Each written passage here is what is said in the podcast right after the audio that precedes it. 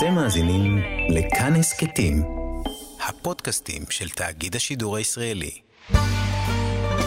חברותה עם ידידיה תנעמי.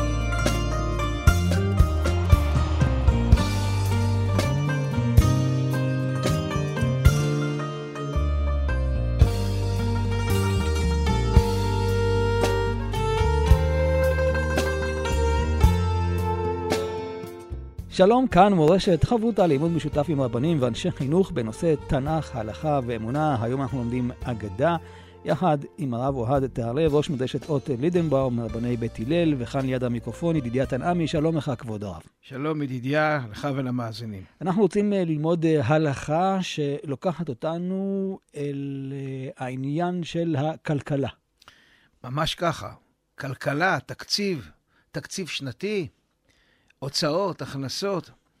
והאגדה שלנו נמצאת בפרשת uh, בהר בחוקותיי, במדרש, במדרש רבה, ויקרא רבה, בפרשה ל"ד, על הפסוק וחי אחיך עמך, ביטוי שמופיע הרבה בפרשת בהר, כן, וחי אחיך עמך, אה, ומתי ידו עמך, והחזקת בו, אה, מופיע הרבה בפרשה, אומר המדרש, רבי סימון אמר בשם רבי יהושע בן לוי, לעולם אל תהי מצוות עני קלה בעיניך. מצוות עני, הכוונה צדקה, שהפסדה כ"ד קללות, ומתן שכרה כ"ד ברכות. ואז המדרש מביא את הקללות לא עלינו, כן, זה גם נושא של פרשת בחוקותיי. אבל הוא אומר על הברכות, מתן שכרן כ"ד ברכות, כתיב הלא פרוס לרעב לחמך. אמר רבי סימון, הלא תפרוס אין כתיב כאן, אלא הלא פרוס. כבר היא פרוסה. שבראש השנה נגזר על אדם מה שמשתכר ומה שמתחסר. זאת אומרת, התקציב השנתי שלך ידוע מראש. ידוע מראש כמה הוצאות, ידוע מראש כמה הכנסות, ולכן תדע לך שאתה מוגבל. יש לך בחירה, אבל יש לך הגבלה. כן, אתה תוציא. כן. אתה כנראה צריך להוציא, השאלה על מה. האם תוציא על תיקון המכונית? האם תוציא על מצרכי אוכל לאורחים החשובים שלך? או האם תוציא על צדקה, או האם תוציא לא עלינו על דברים uh, פעוטי ערך. ועדיף על צדקה, כמובן. כמובן, עדיף על דברים טובים ולא על דברים uh, פחות טובים. אתה תצטרך להוציא, כמו שהקדוש ברוך הוא מברך אותך, ונותן לך הכנסות. יש מאזן. ואז המדרש ממשיך ומספר לנו סיפור מדהים. באותו מקום, פרשה ל"ד, אות י"ב. רשב"י כד דמכלי בליל רי שתה. רשב"י הלך לישון בראש השנה, שזה כשלעצמו כנראה חידוש. יש הנחה שאומרת שעדיף לא לישון הרבה, אבל אי אפשר בלא לישון. הוא כנראה ישן טוב. חמה בחלמי בני אחתי מתבעין מן מלכותה שיט מאה דינרים.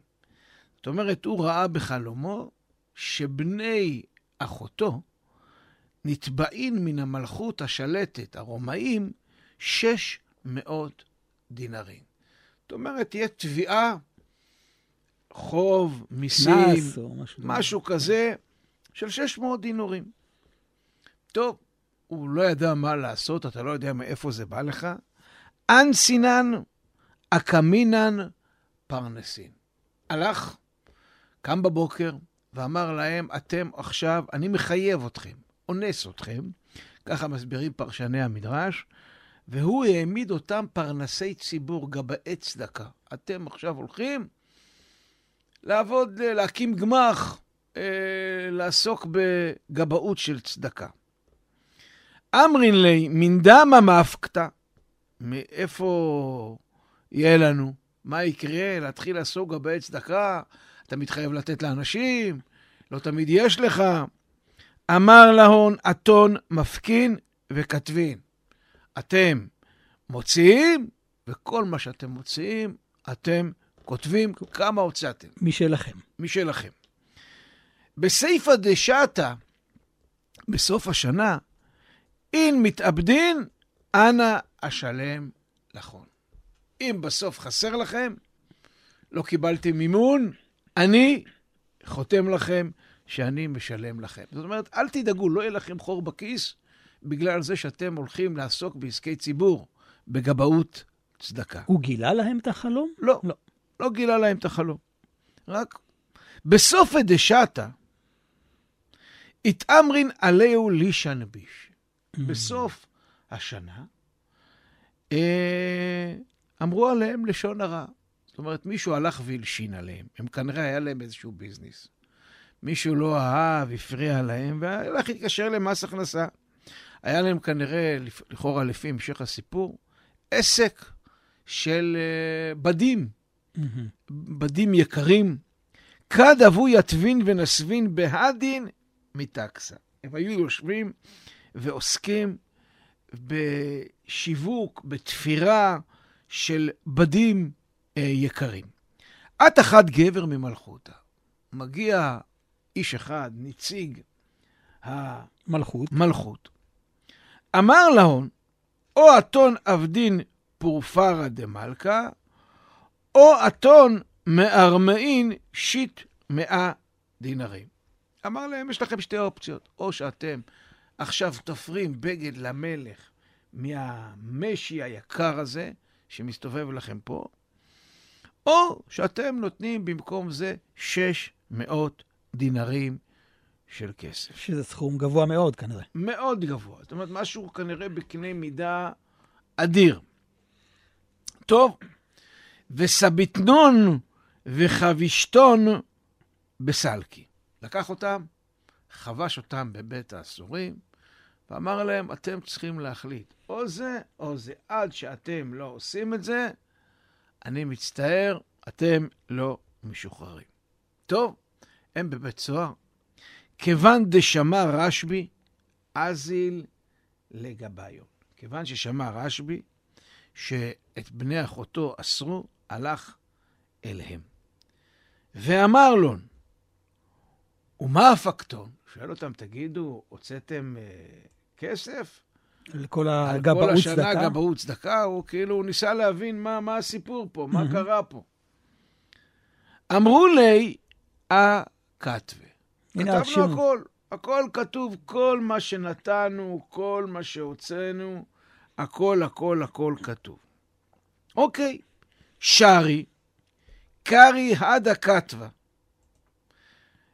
כן, לקח את הנייר הזה. את החשבונות שלהם, את האקסל הזה, כמו היום, ואשכח דאף כאן שיט מאה דינרין, חסר שיט דינרין. זאת אומרת, הוא סופר את הכל אחד ועוד אחד, את כל החשבונות, כמה שהם הוציאו, והנה הפלא ופלא. 594 דינרים הם הוציאו. שישה דינרים הם לא הוציאו, זאת אומרת, הם לא ידעו כלום, אבל רשב"י נזכר כנראה בחלום. צריך להגיע ה-600 דינר. ל-600. אמר להון, הבו לי שיט דינרין, ואנא מפקא לחון. תביאו לי שישה דינרים, ואני מוציא אתכם מפה. ככה הוא מבטיח להם, זה הכל. שש דינרים.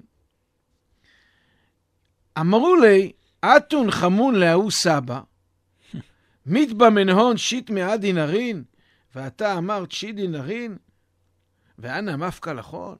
מה אתה מדבר? הזקן הזה, פה ששולט בנו, ששם אותנו בכלא, הנציג הזה ממס הכנסה, הוא מבקש 600 דינרים, אתה מתבלבלת. אתה מבקש 6 דינרים? הוא דיבר על 600, הוא לא דיבר על 6. אה, כנראה סכום כזה גדול, אין לנו מאיפה לתת את זה. אמר להון, הבו לי שיטה דינרין, ולא אכפת לכם. אתם, מה אכפת לכם? אתם תביאו לי שישה דינרין, ואני דואג להוציא אתכם. אתון יאבין לשיטה דינרין בגו קמצי. נתנו לו שישה דינרין בתוך איזשהו כיס, איזה ארנק. אזל יהבין שוחדה להדין סבא, דלא לדבר למלכה מילא ואפקינון מתמן. זאת אומרת, הוא הלך, נתן, לקח את השישה דינרים האלה, לא פחות ולא יותר, בדיוק. נתן שוחד לאותו זקן, ששם אחראי שם על העניינים.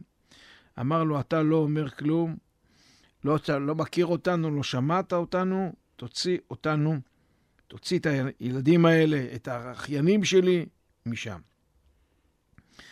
אמרו לי, הם רואים את זה והם משתוממים. דילמה אהבת ידע דאנן מזדמיין? כן, אתה אולי היית, איך אתה יודע, איך ידעת שהוא יסכים בשישה דינרים לקבל את השוחד? איך, מאיפה הביטחון הזה שעם שישה דינרים אתה מוציא אותנו מהסיפור הזה?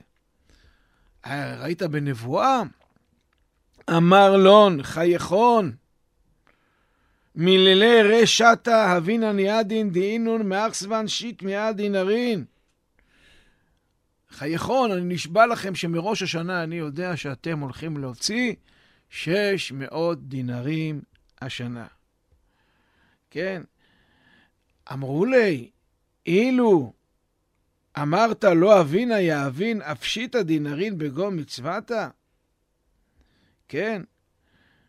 מה, היית אומר לנו, לא היינו מקיימים את המצווה, לא היינו נותנים צדקה? היית בא ואומר, אתם צריכים השנה כן. לתת 600, היינו נותנים. למה אתה לא מגלה לפני כן? למה אתה לא מגלה? אנחנו יכולים לתת. אמר להון, ואילו אמר לכון, לא אבן מאמנין יעתי. Mm. לא הייתם מאמינים לי, שראיתי את כל העניין הזה. אלא איתו משתח ולאו למעבד מצוות אל ישמעי. אני רציתי מאוד מאוד שאתם תעשו את המצווה הזאת לשם שמיים. בדרך הטבע. כן, בלי שתדעו שחלמתי חלום ושאתם אמורים להוציא, וכל הסיפור הזה מסביב. זה הסיפור. זה הסיפור שמופיע פה, עוד סיפור על רשב"י, על הפסוק הלא פרוס על רעב לחמך, כן, שהיא כבר פרוסה. הכסף, התקציב. התקציב פרוס כבר. ידוע, כן, חתוך, כמו שאנחנו חותכים לחם, שהוא חתוך מראש, אתה יודע כמה mm-hmm. פרוסות יש לך מראש, כמה יישאר לך לאכול, כמה לא, מתחילת השנה. ויש לנו כמה וכמה שאלות על ההגדה שלנו. שאלה ראשונה, למה בראש השנה נגזר על האדם מה שמשתכר ומה שמתחסר? זאת אומרת, למה כל כך חשוב לי פחות העניין של ראש השנה, כמו העניין שהתקציב יהיה ידוע מראש? למה זה כל כך חשוב? בן אדם יש לו הכנסה, מוציא, אין לו, לא מוציא. האם יש משמעות לכך שבני אחותו נתבעו מהמלכות דווקא 600 דינרים? מה המספר הזה? מה המספר הזה? הרי באותה מידה אולי היה שודד שודד mm-hmm. להם. האוטו היה מתקלקל והם היו צריכים להוציא. Mm-hmm. מדוע הוא מכריח אותם להיות דווקא גבאי צדקה? כן? למה הוא מבקש מהם שאת מה שחסר לגבי צדקה הם יכתבו, ומה שחסר להם ולא נתנו להם, הוא ישלים להם. למה, למה כל כך חשוב לכתוב את זה, שהכל יהיה רשום? למה הוא מתחייב להשלים להם? מה פשר ההתחייבות הזאת? כן, למה, למה נציג המלך, לפי ההגדה הזאת, דורש שיכינו בגד, mm-hmm. או 600 דינרים? למה דווקא בגד? מה, מה המשמעות הסמלית של הבגד? מה המשמעות שחבשו אותם בבית האסורים? מיד, כלומר, לא נותנים להם את האופציה מיד לצאת, לגייס כן. כסף. מה המשמעות שרשב"י חילץ אותם על ידי השישה דינרים? מה המשמעות של שיחוד השומר הזקן בבית הסוהר? ומה המשמעות של כל חומרי ההגדה, חוץ הבגד משי, mm-hmm. הבית האסורים, החלום הזה. למה היה חשוב לרשב"י כל כך שהם יעשו את המצווה לשמה? מה, הם היו עושים את המצווה לא לשמה? זה לא היה נחשב. וכמובן, כמובן, מה ניתן ללמוד מהאגדה לימינו אנו? חברה, שפע, שברוך השם לא חסר לה כמעט כלום. חברותה עם ידידיה תנעמי. חבותה כאן במורשת, חבותה באגדה, יחד עם הרב אוהד תיארלב, ועכשיו אנחנו אל הפירוש של האגדה המעניינת אה, הזאת אה, על התקציב שמוכן אה, מראש. כן. תראה, אנחנו עוסקים בשאלה קיומית שמעסיקה את כולנו. האנשים הפשוטים, הבינוניים, שלפעמים יש להם בור, חור בכיס, יש להם, חסר להם כסף. מי לא חסר לו כסף? מי לא תמיד צריך כסף? ו, ושאלת החיסרון, התחושה הזאת שחסר לי כסף, או שחסר לי דברים, או שנחסרתי דברים, mm-hmm. היא הולכת איתנו בכל החיים. אבל לפני כן, אנחנו עוסקים פה בנושא של נתינה. קודם כל, בצורה הפשוטה ביותר, מהי צדקה? צדקה, פתוח תפתח את ידיך, אתה חייב בעצם לתת לאחר. כשאני נותן לאחר כסף, חיוך, אה, אוכל, לא משנה מה, אני נותן לו בעצם מקום. יש לו קיום. אני מקיים אותו. בין זה שאני מאכיל אותו, ובין עם זה שאני משלים לו את מה שחסר לו, אני נותן לו קיום בעולם. אולי אני... המילה צדקה, אני בעצם מצדיק את הקיום שלו בעולם? מדהים. אני מצדיק וואו. לא רק את הקיום שלו, גם את הקיום שלי כן, כנראה. יחד, כן. כן. זה הצדק, לשאול צדקה. אני מייצר מקום לאחר, ו- ואני רוצה אה, באמת לדייק לאחר ולא לשני, כי... מי שאני לא מכיר? מי שאני לא מכיר, רגע שאני אומר השני, אני ראשון. אה, יפה. אז אתה ככה למעלה. אבל בעצם האחר, כולנו שווים. פינוי המקום שלי למען האחר, כבר עסקנו בזה בהרבה אגדות, mm-hmm. תמיד הוא זה שמייצר את המקום שלי. כמו שאמרת, מצדיק. כשאני עושה צדק, אני מצדיק את המקום mm-hmm. שלי.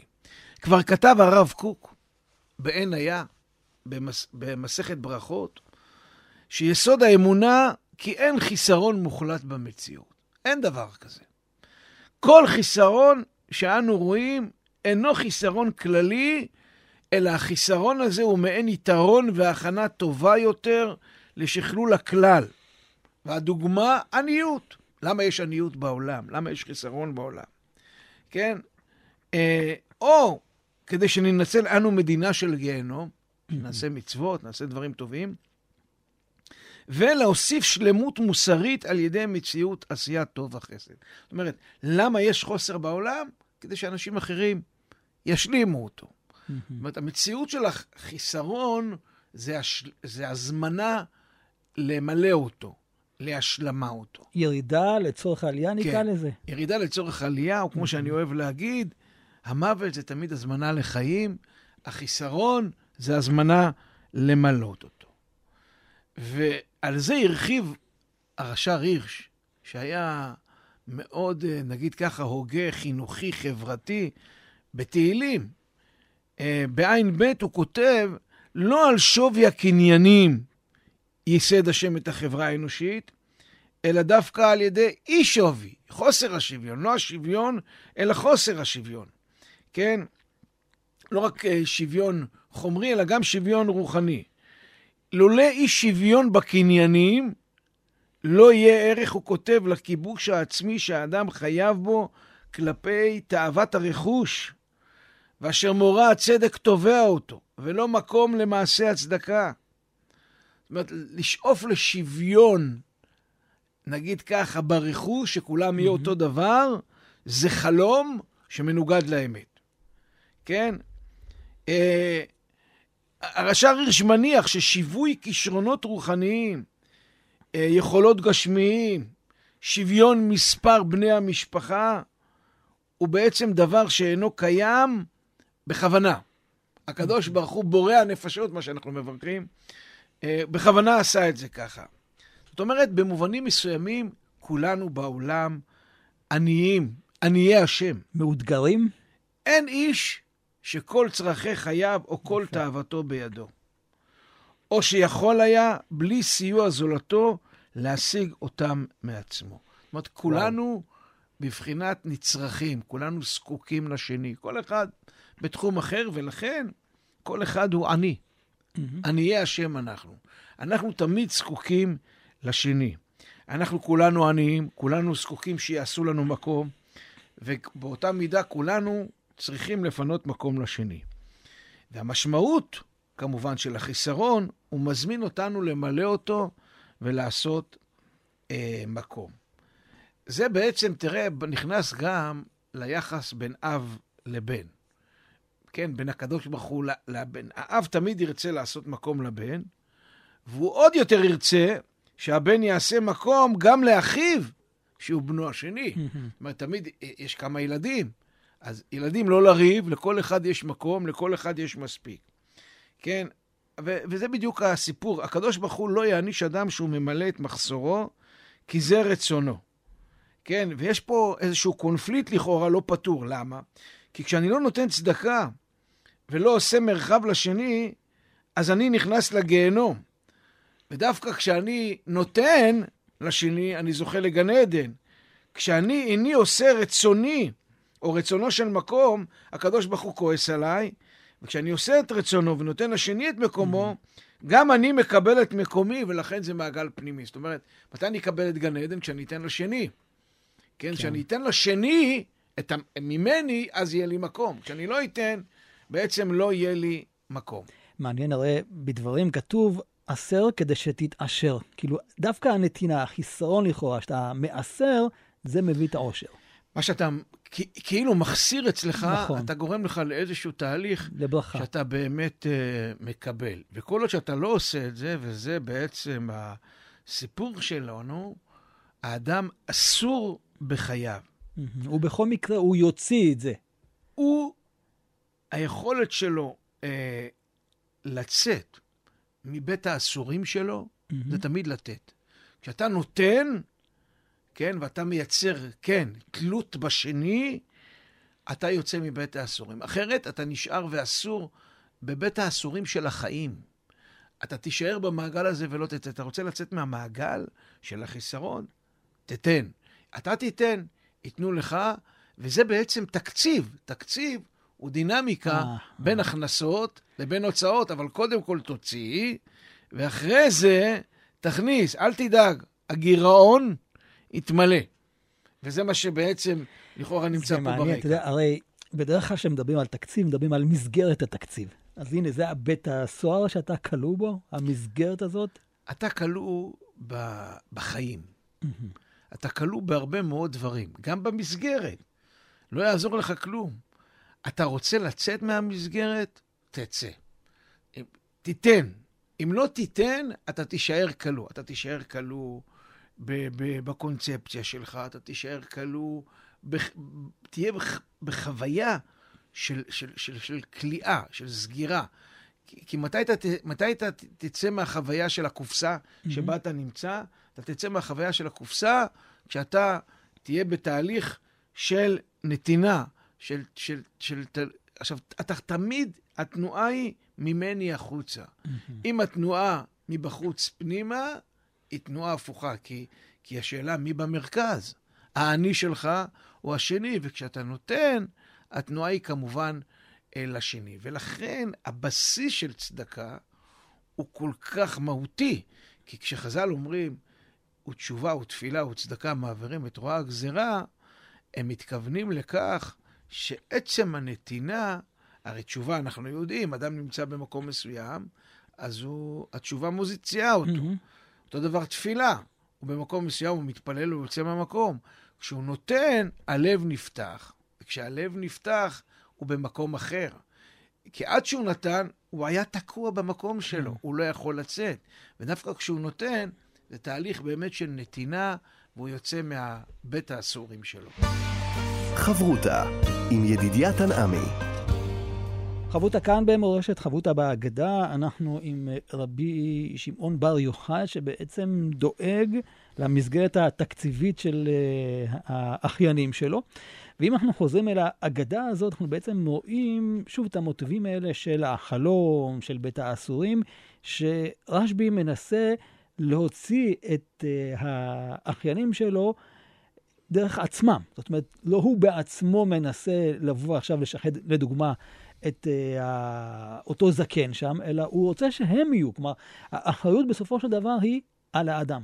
כל עוד שהם לא יוציאו את השישה שקלים האלה, מהמם. שישה דינרים, סליחה, הם לא יצאו מבית הסוהר שלהם. זאת אומרת, זה לא יעזור שהוא ייתן מהכיס שלו. אתם תביאו מכם, אני אעזור לכם, אבל זה צריך לבוא מהכיס שלך. ו- וזה בעצם הסיפור שלנו כאן. של המסגרת הזאת שדיברנו קודם, בדיוק. שאתה כל מה תחום. שמופיע פה בהגדה שלנו, למעשה, זה הראי של משמעות המושג צדקה ונתינה. תראה, הם עסוקים, במה הם עוסקים האחיינים האלה? בתפירת בגדים. היה להם כנראה איזה עסק של, mm-hmm. של איזה, איזה מתפרה, איזה מפעל לבגדים. שזה גם משהו סמלי פה. או, בגדים יקרים. והם, בא מישהו מהמלכות ודורש מהם לתפור בגד למלכות. כן, אתה זוכר, לבוש mm-hmm. בגדי מלכות, מה שנקרא. הוא לבוש מלכות. ו, ובעצם הלבוש שהם מצטרכים להכין או לתת 600 דינרים, זה עצמו לבוש הצדקה. כי זה או זה או זה. זה ההמרה של זה. Mm-hmm. עכשיו, כבר כתוב בישעיהו נ"ט, וילבש צדקה כסריון, וחוב הישועה בראשו, וילבש בגדי נקם תלבושת, ויעט כמעיל קנאה.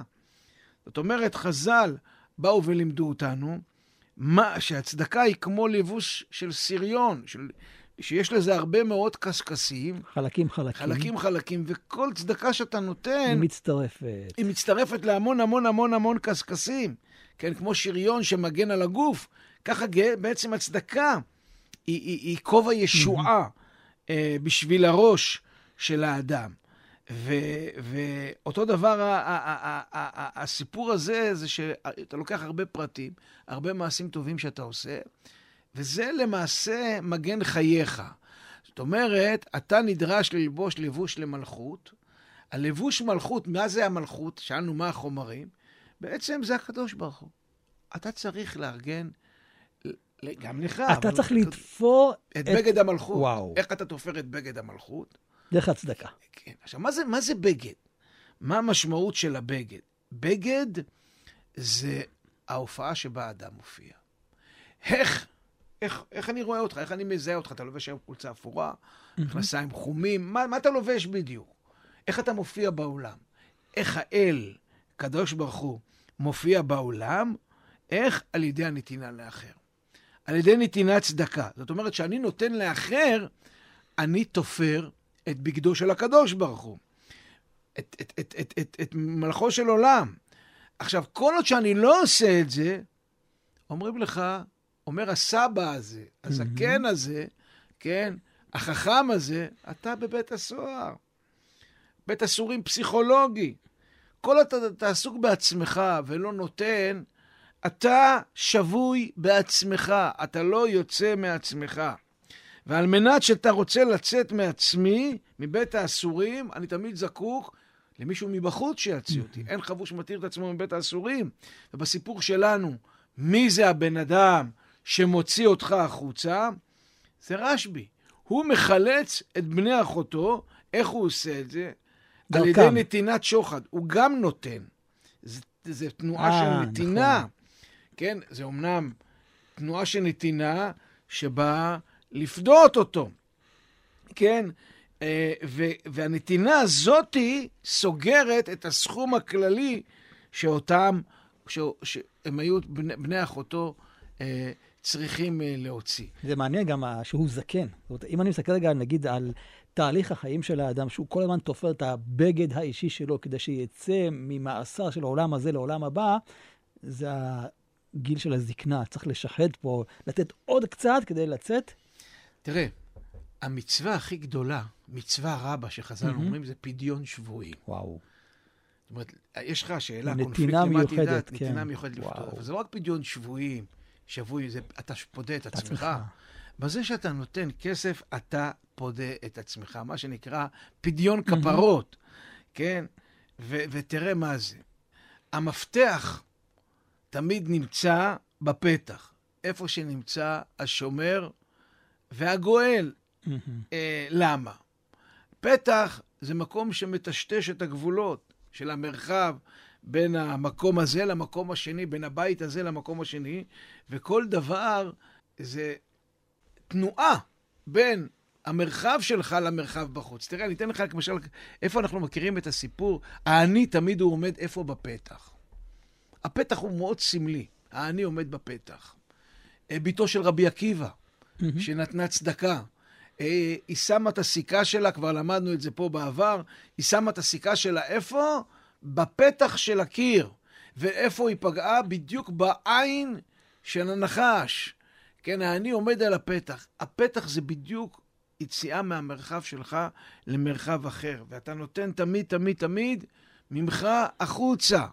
ולכן האני בא מבחוץ ואתה נותן לו. זאת אומרת, יש לי פה בגד ויש לי פה נתינה, ואומרים לך, תשמע, אתה צריך לתת בכל מקרה. אתה לא תיתן בצורה חיובית, יהיה מה שיהיה. ופה נכנס הסיפור המאוד יפה של uh, uh, הנתינה לשמה. רשב"י היה לו עניין שלא יהיה פה סתם נתינה, כי הוא היה בטוח שאם הוא היה אומר לאחיינים... אז מיד הם היו מוצאים. הם היו נותנים. הוא אומר להם, תשמעו, אתם צריכים לתת השנה 600 דינרים צדקה, בלי בעיה, כי חלמתי ככה וככה. אבל הוא לא רוצה. הוא רוצה שהם יעברו תהליך. הוא רוצה שהם ירגישו שהם היו בבית הסוהר, ושחררו אותם. זאת אומרת, התהליך החיצוני הוא ראי של התהליך הפנימי, והוא אומר להם בסוף, מה זה נתינה מושלמת? נתינה מושלמת היא נתינה שנעשית ללא אינטרס אישי. אתה לא יודע כלום. אתה באמת נותן לשם שמיים. ופה אני רוצה קצת ללכת קצת לעולם הקבלי אולי. נתינה לשמה, שזה בעצם המושג הכי טהור שקיים, ללא אינטרס, ללא אגו אישי, תנועה מלאה מבפנים החוצה, לשמה יש לה גם לשם הנתינה, אבל גם יש לזה עוד משמעות. לשם השם. מתי שמו של הקדוש ברוך הוא שלם? כשאתה נותן. זאת אומרת, אם תרצה, השם הוא כמו השם של הקדוש ברוך הוא, הוא כביכול כמו התקציב.